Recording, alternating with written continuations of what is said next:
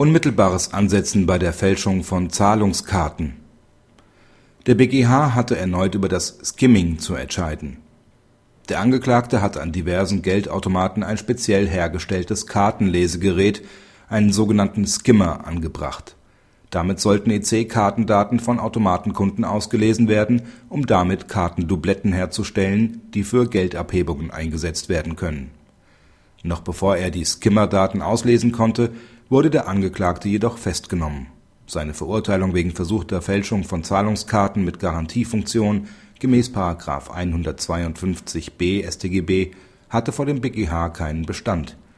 Für den fünften Strafsenat war die Schwelle zum strafbaren Versuch hier noch nicht überschritten. Ein unmittelbares Ansetzen zur Tat sei frühestens dann anzunehmen, wenn der Täter mit der eigentlichen Fälschungshandlung beginnt. Dies war hier aber noch nicht der Fall.